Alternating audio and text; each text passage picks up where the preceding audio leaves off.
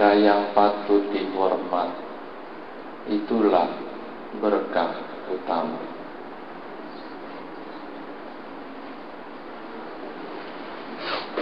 Saudara-saudara para umat Buddha yang berbahagia.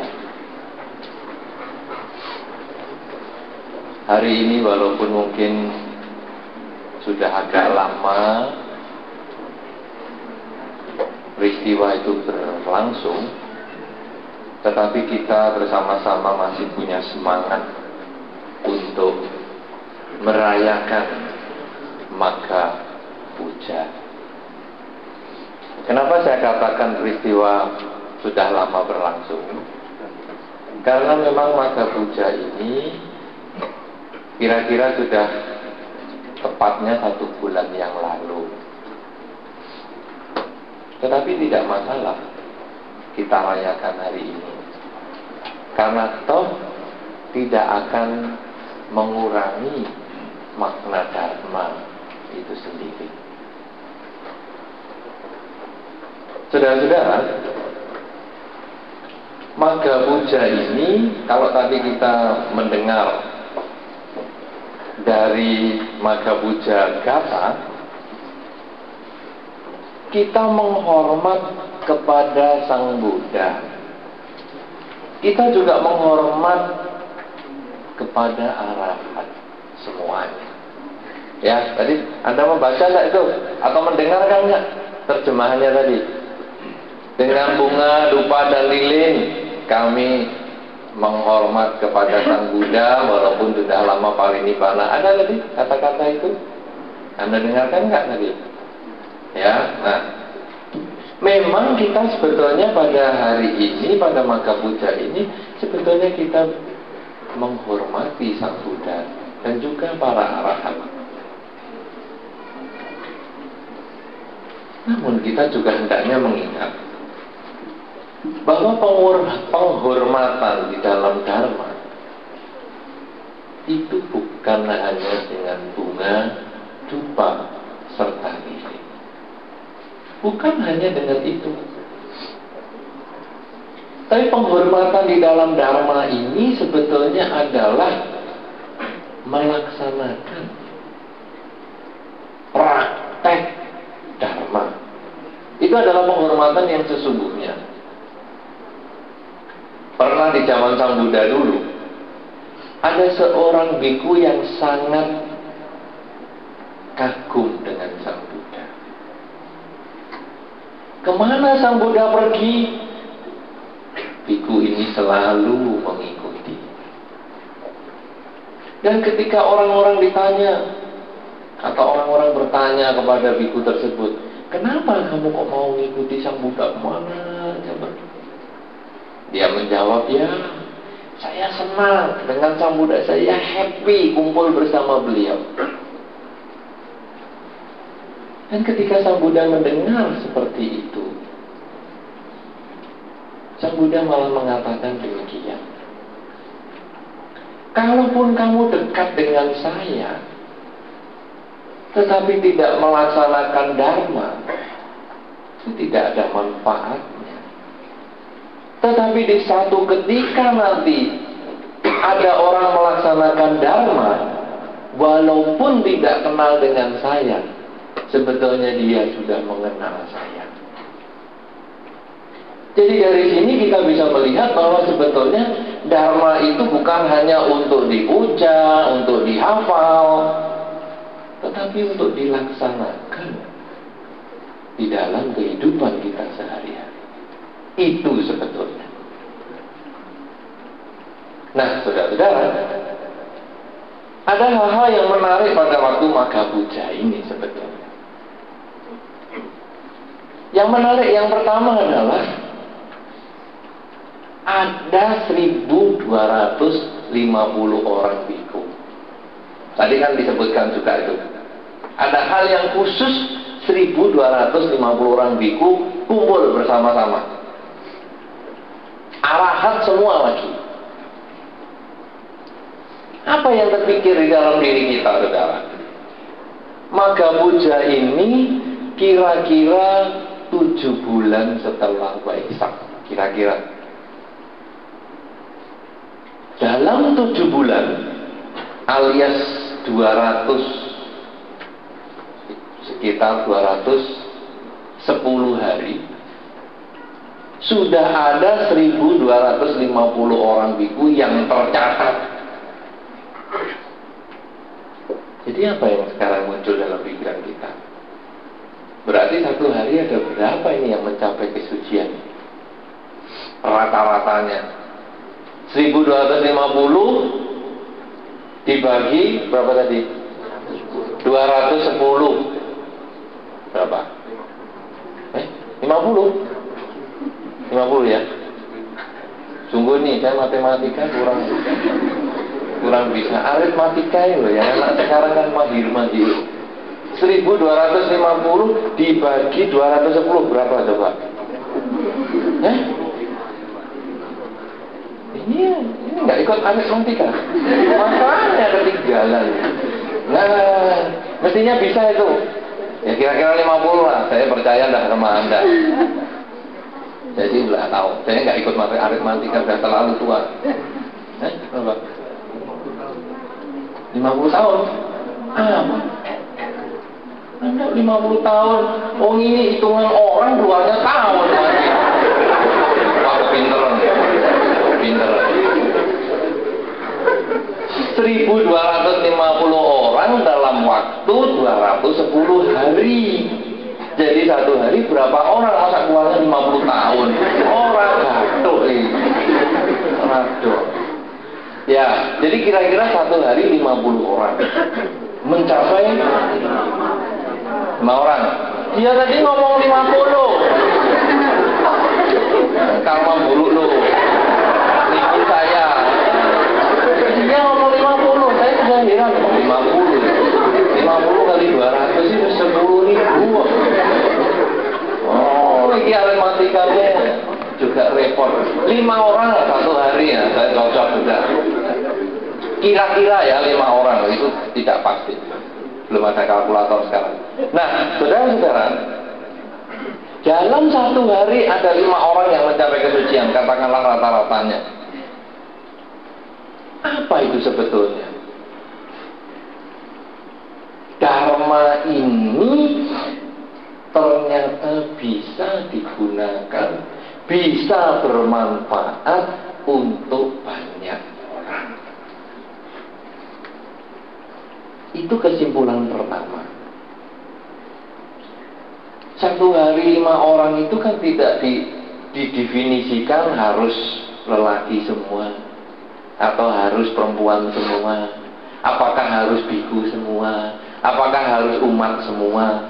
Tidak. Apakah harus tua semua? Apakah harus kecil semua? Tidak. Pokoknya lima orang sehingga tentu muncul di dalam pemikiran kita Dharma ini akan cocok untuk banyak orang handphone harap dimatikan. Yang belum dimatikan, tolong sekarang dimatikan. Anda punya handphone, saya tahu bagus. Tapi nggak usah pamer. Nanti yang kesempatan. Nah, jadi kesimpulan kita yang pertama adalah Dharma ini cocok untuk semua orang. Kalau cocok di masa yang lampau pasti juga cocok untuk Anda. Maka kalau Anda sekarang memilih Dharma sebagai pegangan hidup Anda, ini sudah bagus.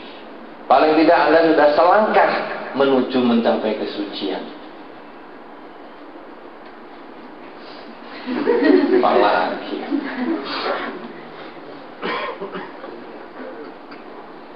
Paling tidak Anda sudah selangkah menuju kesucian. Atau mungkin malah ada sebagian di antara Anda yang sudah mencapai kesucian.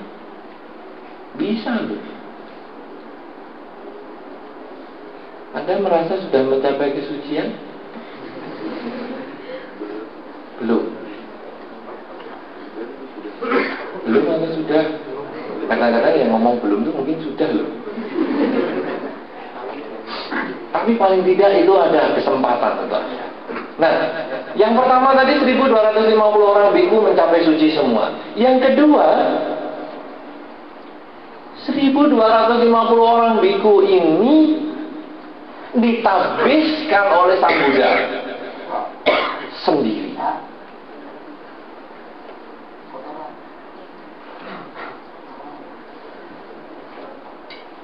Nah, saudara-saudara, 1250 orang ini ditabiskan oleh Sang Buddha. Ini kita sulit untuk mendapat ilmunya. Kenapa? Karena Sang Buddha kan sudah tidak kumpul sama kita lagi. Tidak bisa menambahkan Anda lagi. Tetapi ingat, kata-kata Sang Buddha yang tadi sudah saya sampaikan. Walaupun di masa depan orang tidak kenal dengan saya, tapi kalau dia menjalankan dharma, maka dia sesungguhnya telah mengenal diriku. Saudara-saudara secara pribadi tentu tidak kenal dengan Sang Buddha. Secara pribadi, Anda hanya melihat patungnya. Patungnya ini pun bukan mukanya Sang Buddha. Jangan menganggap bahwa Buddha Rupang ini adalah wajahnya Sang Buddha. Jangan. Apalagi Buddha Rupang yang pakai kresek ini. Siapa mentolong letakkan kresek di sini? Sudah berapa hari ini di sini? Sudah lama. Apa ya Buddha Rupang ini sama dengan kembang yang biasa ditutupi kresek. Ini siapa lagi? Nanti dua-dua diturunkan semua itu, ya. Jangan diletakkan yang demikian ini. Tidak bagus. Kalau sekarang kita saja sudah tidak menghormati Buddha rupa, kenapa agama lain yang suruh menghormati? Coba Anda memuja Buddha rupa ada kreseknya ini. Kreseknya aja kembang-kembang. Ini kan tidak pantas sebetulnya. Ya, nanti bawa turun semua dua-duanya supaya Buddha rupanya menjadi sedikit sehingga di sini tidak seperti orang jualan patung ya dari sini nanti sini nanti ada patung lagi. Ya ini copot semua. Nah Buddha Rupang ini bukan menampilkan wajah sang Buddha. Buktinya apa? Buddha Rupang model India tidak sama dengan Buddha Rupang model Borobudur. Mukanya nggak sama Buddha Rupang Borobudur dan India tadi tidak sama dengan model Thailand, tidak sama dengan model Birma, tidak sama dengan model Tiongkok, mungkin tidak sama dengan model Afrika. Saya belum pernah tahu Buddha Rupang model Afrika. Mungkin ya hitam sungguhan.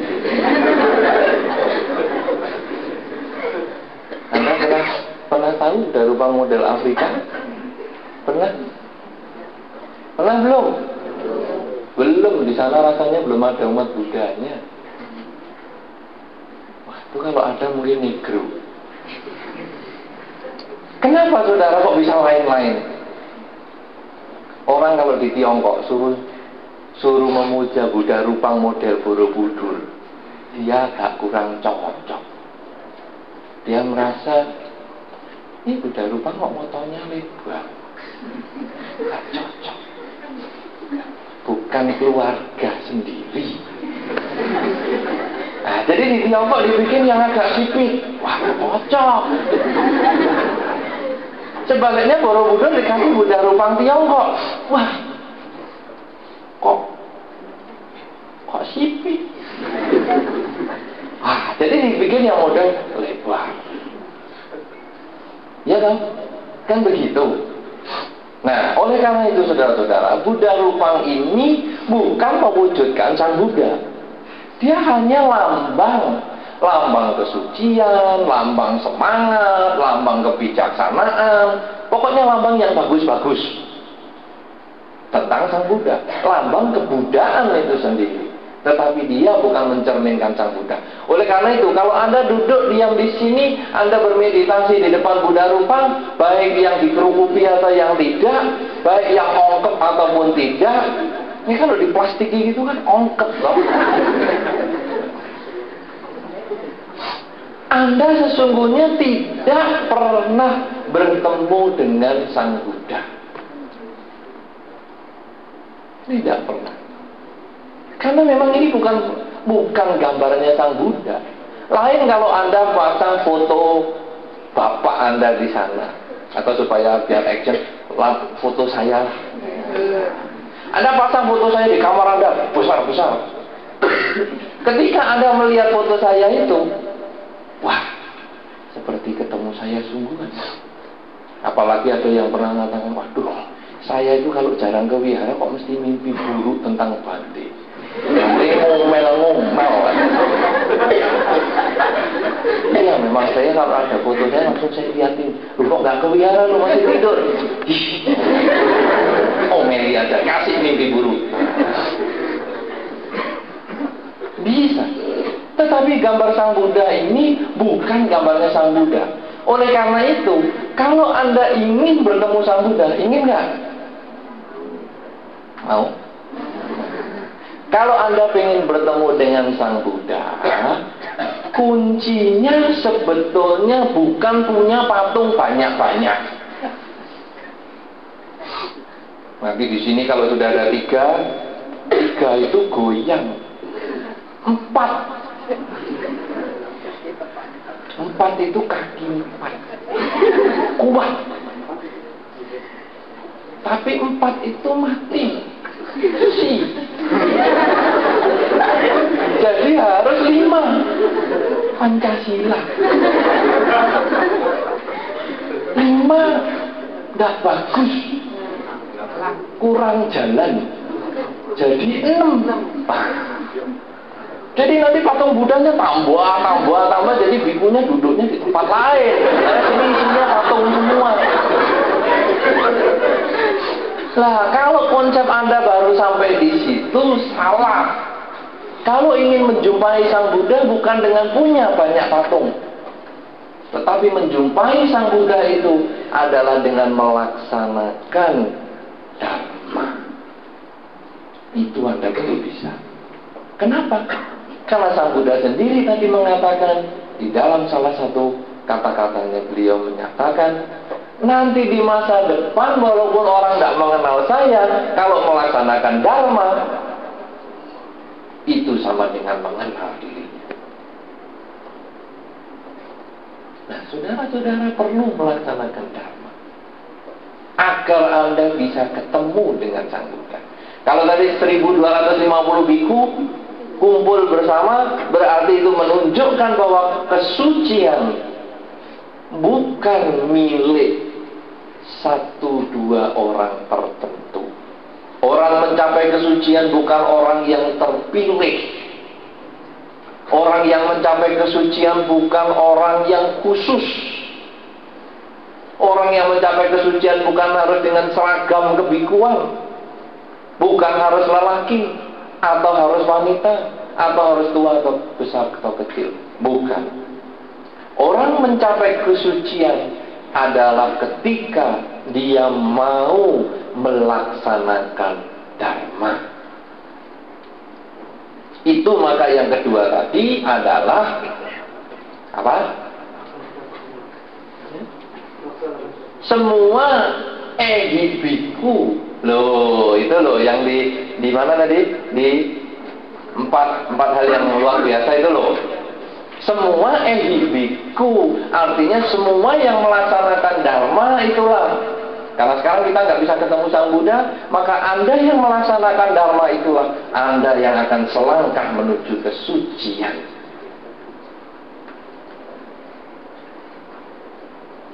Kemudian saudara-saudara Semua arahat tadi Memiliki Apa tadi? Tingkat apinya ada disebut apa tadi abinya. Benar? Siapa tadi yang terjemahin? Ayo dong, ingat dong, masa terjemahin? Ah, ada terjemahin dong baca koran lagi. Ah, apa tadi? Satu seribu dua ratus lima puluh orang biku datang kumpul. Dua eh biku, tiga Ah, terus? Yang keempat hadir tanpa diundang dan tanpa kesepakatan. Ah, hadir tanpa diundang dan tanpa kesepakatan. Oke, itu nanti. Semua sudah mencapai kesucian. 1250 orang biku yang tanpa diundang ini tadi sudah. Kemudian sebetulnya ada yang penting di sana. Sang Buddha membabarkan apa? Owada Patimoka. Jadi kalau kesucian itu adalah milik siapa pun juga, siapa pun juga yang mengenal Sang Buddha dengan praktek Dharma, maka praktek Dharma yang harus dikerjakan adalah yang disebutkan di dalam Owada Patimoka. Kurangi kejahatan, tambah kebaikan sucikan pikiran. Saudara-saudara, unsur yang ketiga ini sebetulnya kunci pokok agama Buddha. Banyak orang sering punya anggapan, saya ini sebetulnya kewihara sama nggak kewihara sama saja. Mungkin ada loh di antara Anda yang punya pikiran begitu. Atau orang tua Anda, atau keluarga Anda. Ah, kewihara itu sama enggak sama aja. Paling ya diajari berbuat baik kan. Karena Anda dengar omongan seperti itu di masyarakat. Kewihara itu kan cuma diajari berbuat baik. Dari dulu ya begitu. Kalau Anda dapat omongan itu, jawablah benar Memang dari zaman Sang Buddha sampai hari ini 3000 tahun selalu ngajari berbuat baik. Malah belum ada wihara ngajari berbuat jahat. Ini loh caranya mencuri sepeda motor. Nomor satu bikin kunci palsu. Nomor dua, pakai sepatu. Loh, untuk apa hubungannya? Kalau nggak bisa nyuri kan lari dikejar masa. Pakai sepatu, jangan pakai sandal, nanti kecocok paku. Itu tidak ada tentu di wihara tidak akan pernah diajari berbuat jahat. Tetapi di wihara diajari orang untuk berbuat baik itu sejak zaman Sang Buddha. Nah kalau sekarang orang itu lalu mengatakan, ya mesti hanya berbuat baik lah saya sudah tahu. Betul. Memang kamu sudah tahu. Sudah sejak zaman Sang Buddha diajari berbuat baik. Tetapi kenapa hanya diajari berbuat baik? Karena sejak zaman dulu walaupun diajari berbuat baik, orang itu tidak baik-baik. Kalau dibalik bahasanya, sudah diajari tiap hari saja nggak bisa baik, apalagi nggak diajari. Lebih kacau. Jangan punya konsep. Belajar banyak, lupa banyak. Belajar dikit, lupa dikit. Nggak belajar, nggak lupa. Jangan pernah punya pikiran itu. Ya, kelas berapa ini?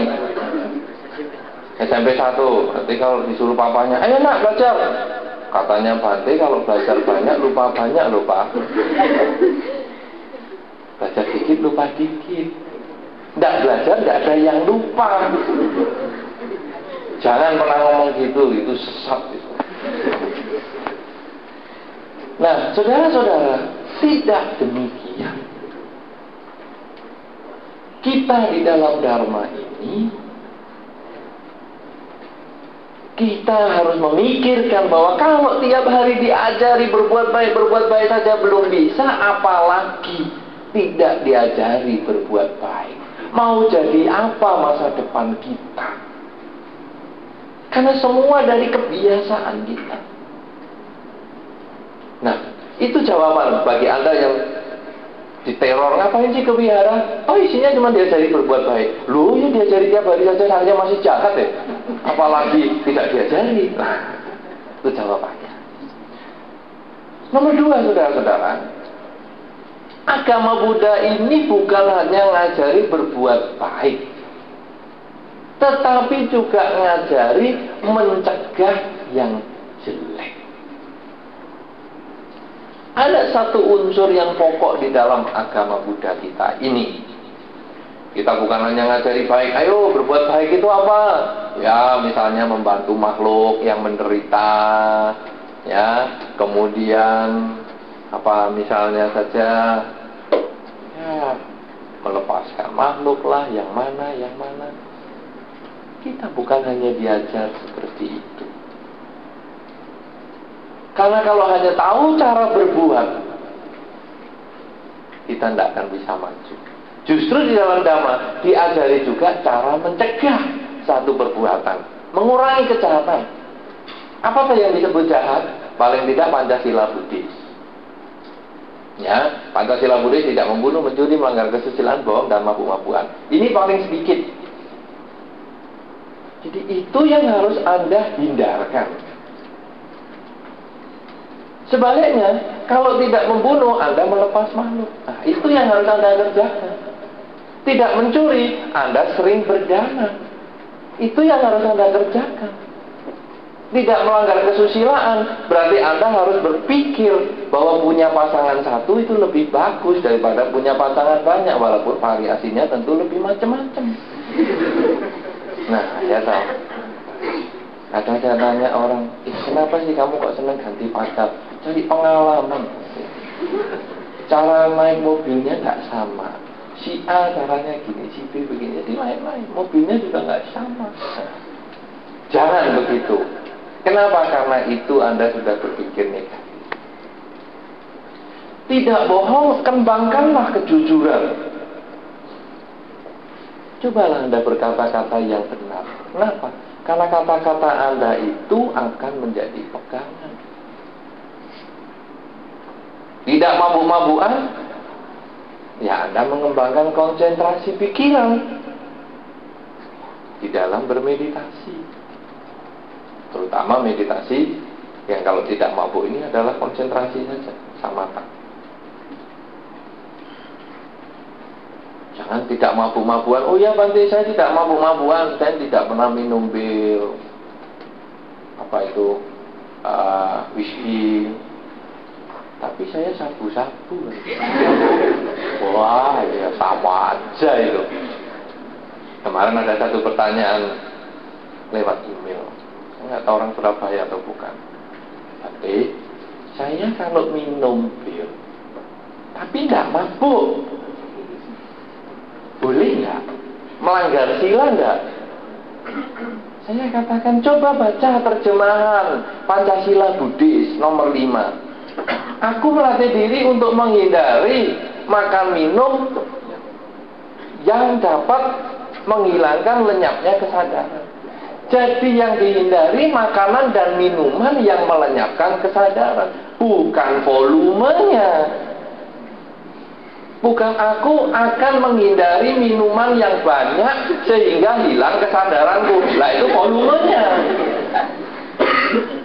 Tetapi di sana kan jelas Aku menghindari makan minum yang menghilangkan kesadaran. Nah, jadi makan minumnya itu mabuk gak mabuk bukan urusan. Pokoknya setetes juga sudah pelanggaran.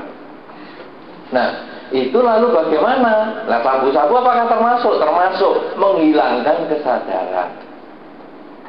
Ya, Anda sudah pernah lihat orang yang minum sabu-sabu? Atau Anda termasuk salah satunya? Ada loh anak biara juga suka gitu-gitu. Jadi kalau mau mimpi buruk boleh lanjutkan tuh. Tapi kalau tidak mau mimpi buruk ya sebaiknya dicegah. Jangan. Kenapa? Karena itu sudah pelanggaran. Tidak bagus. Anda sendiri yang akan susah. Saya pernah lihat orang yang yang menak sabu-sabu. Orang itu seperti tidak punya kesadaran untuk saat ini. Jadi kalau diajak ngomong diem. Nanti kalau bapaknya ngomong, eh coba kamu senyum, senyum dia. Ya robot, mukanya kosong. Karena memang kalau sabu, sudah sabu-sabu nanti jurusannya mesti rumah sakit jiwa. Mesti begitu. Jadi dia melungu. Anda cobalah kalau Anda mau survei, pergilah ke rumah sakit jiwa. Anda nanti lihat di sana. Nyocokkan perilaku Anda. Eh maksud saya, maksud saya lihatlah, lihatlah. Kalau nyocokkan perilaku nanti Anda disuruh tinggal sana repot. Coba lihatlah di sana. Itu Anda akan lihat. Pernah anu bakti sosial ke rumah sakit jiwa? Belum. Sudah belum? Manggut-manggutnya itu manggut kabotan jambul lama. Sudah, sudah pernah. Apa kesannya? Tidak tahu. Tahu. Takut. Oh, ngomong takut kayak tahu.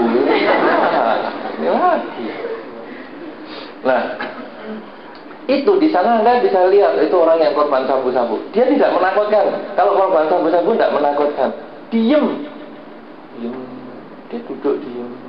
Tidak pernah menakutkan. Kalau ngamuk menakutkan. Tapi kalau tidak, tidak dia diem.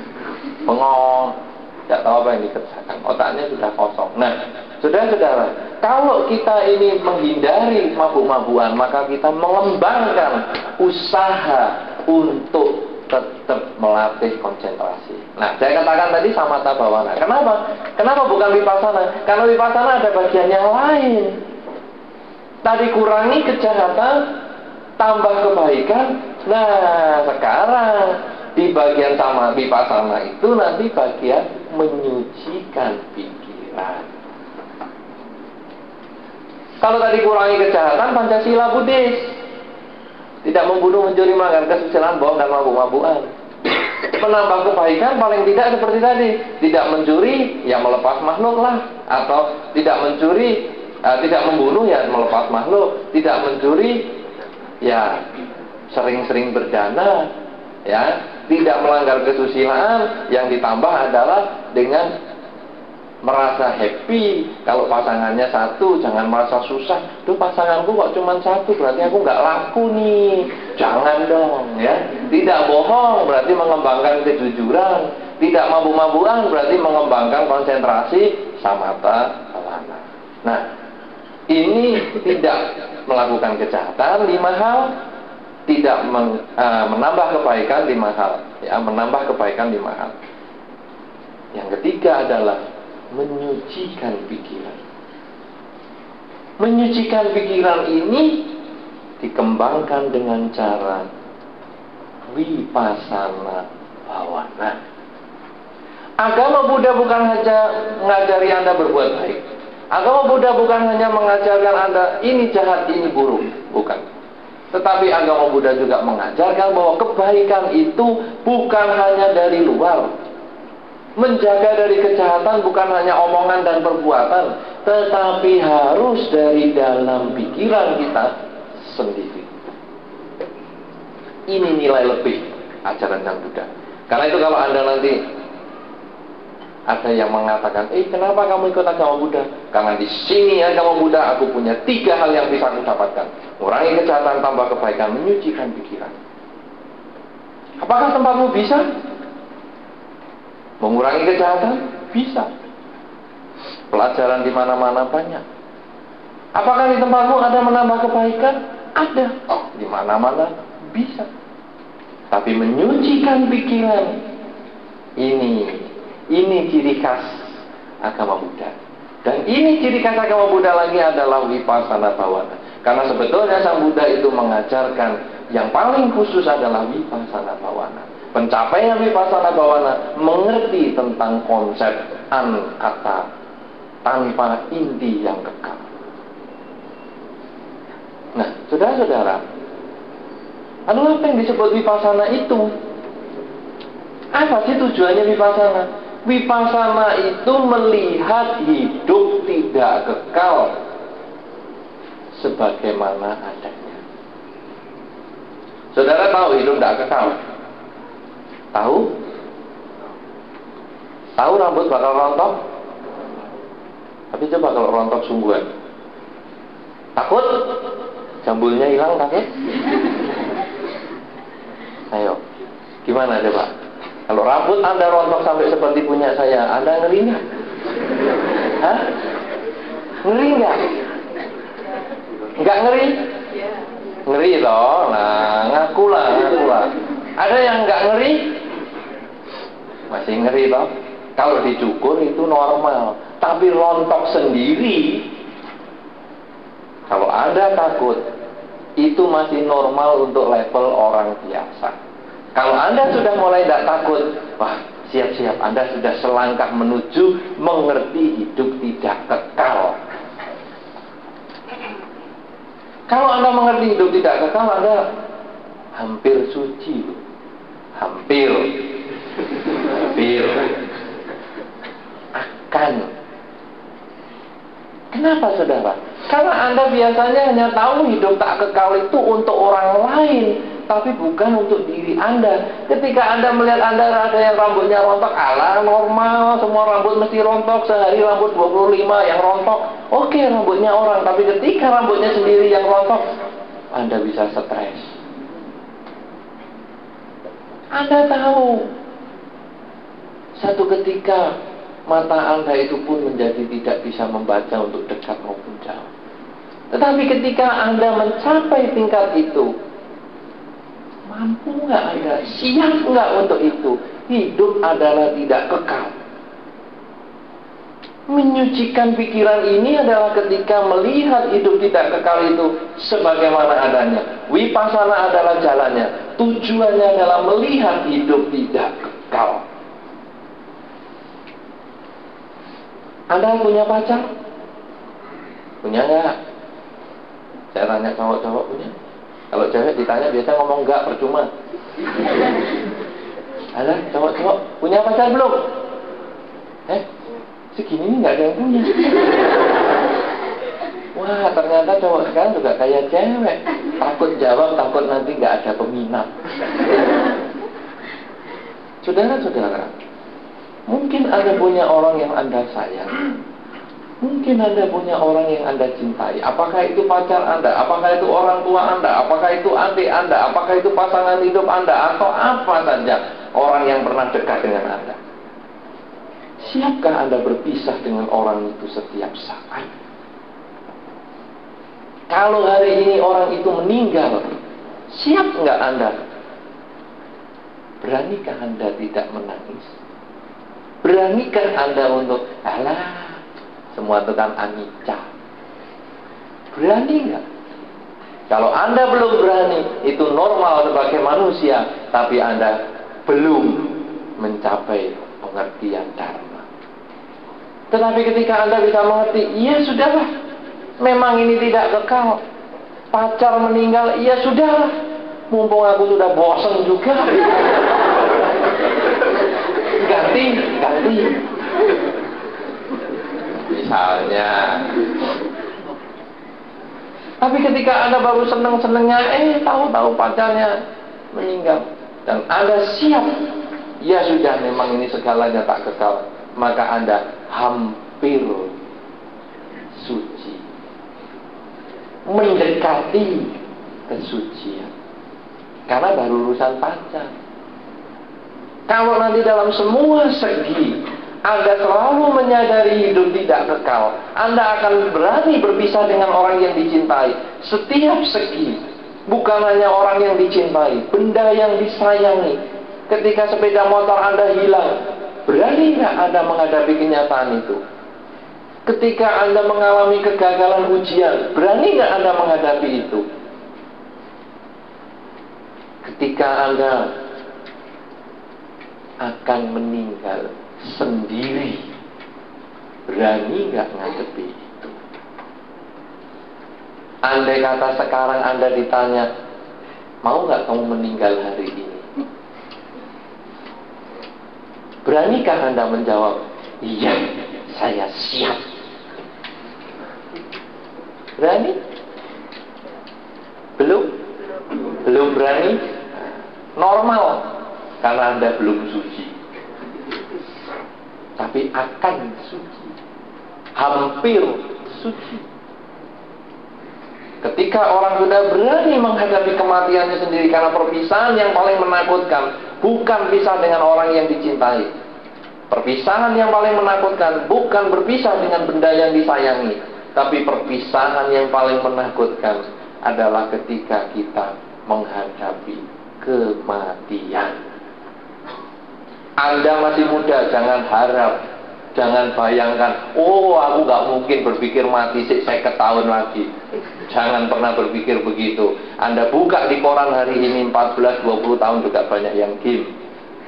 Itu yang sempat dimuat di koran, apalagi yang gak sempat dimuat. Cukup banyak, apalagi kalau kesampit sebagai orang Madura, cepet.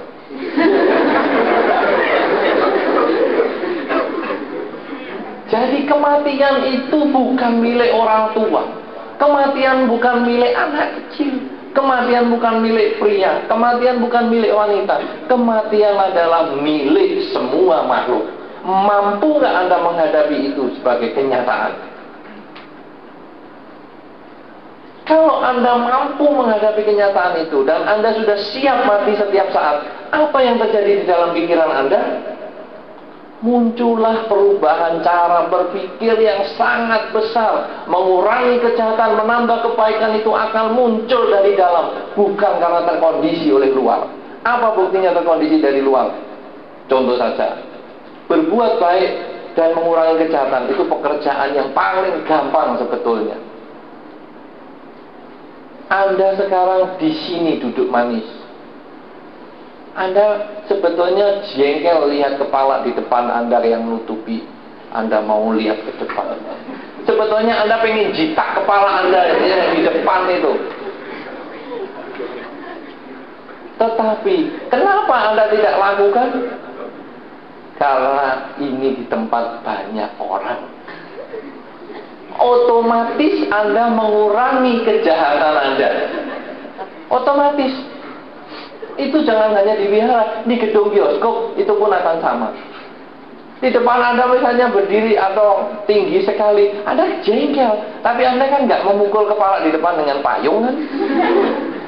Kenapa? Karena Anda sudah otomatis mengurangi kejahatan.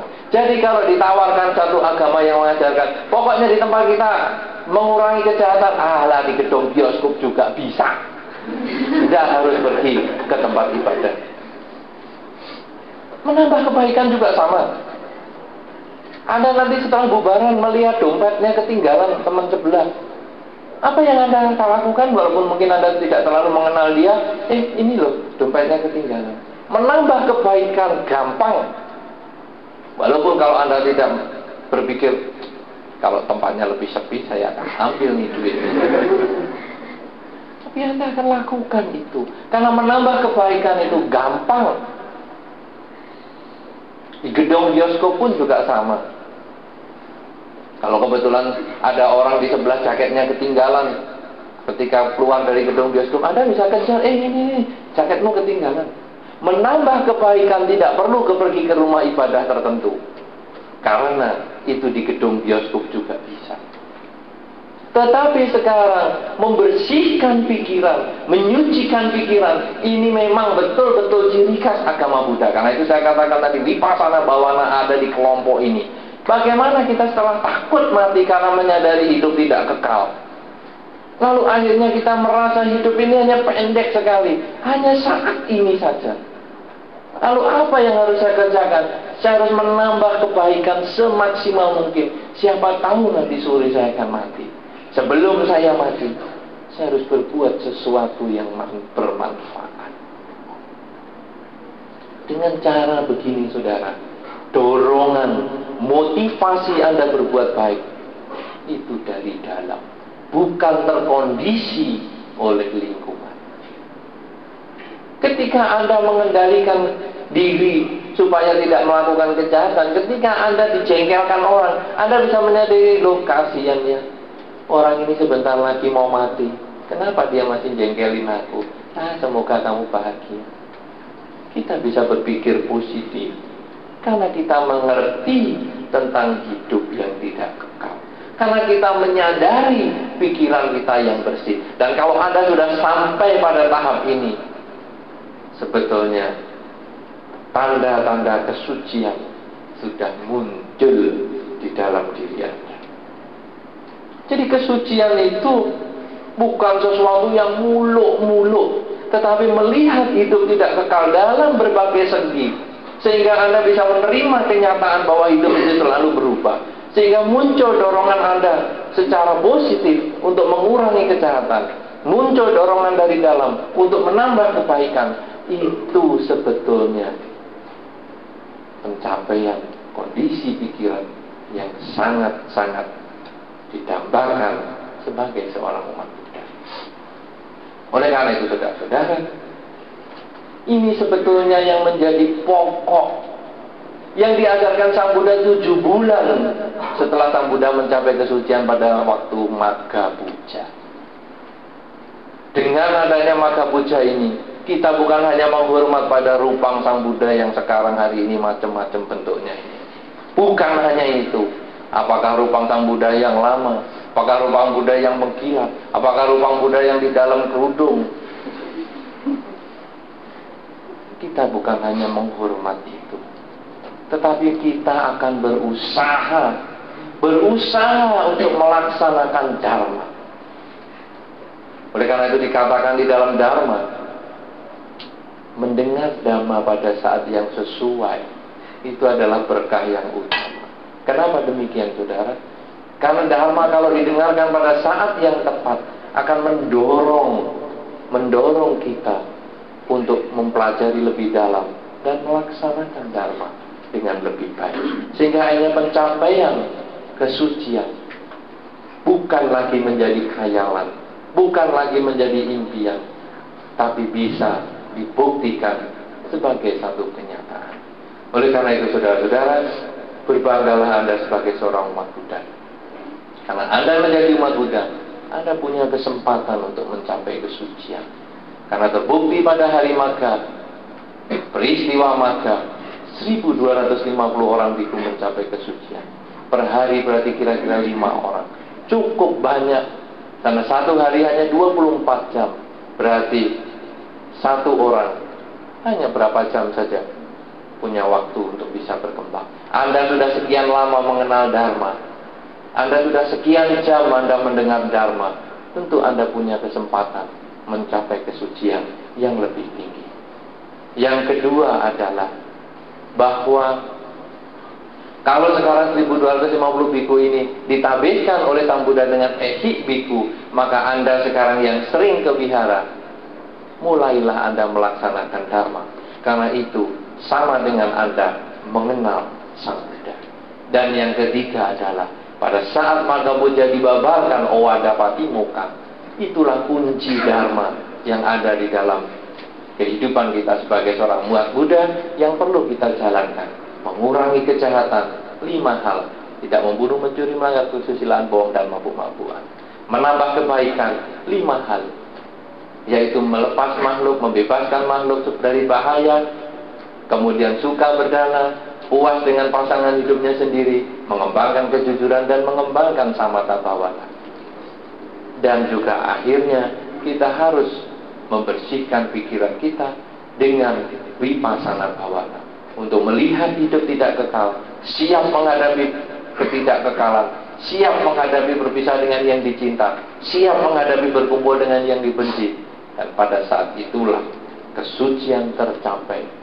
Dan pada saat itulah maga puja, kumpulnya 1200 orang, 1250 orang biku yang mencapai kesucian ada di dalam diri Anda. Maka puja bukan sekedar upacara maka puja bisa Anda wujudkan di dalam diri Anda masing-masing kalau Anda mau melaksanakan dharma. Semoga Anda berbahagia di dalam dharma. Selamat maka puja. Semoga semua makhluk baik yang tampak maupun yang tidak tampak, memperoleh kebaikan dan kebahagiaan sesuai dengan kondisi karmanya masing-masing. Sabbe sata hawantu sukitata.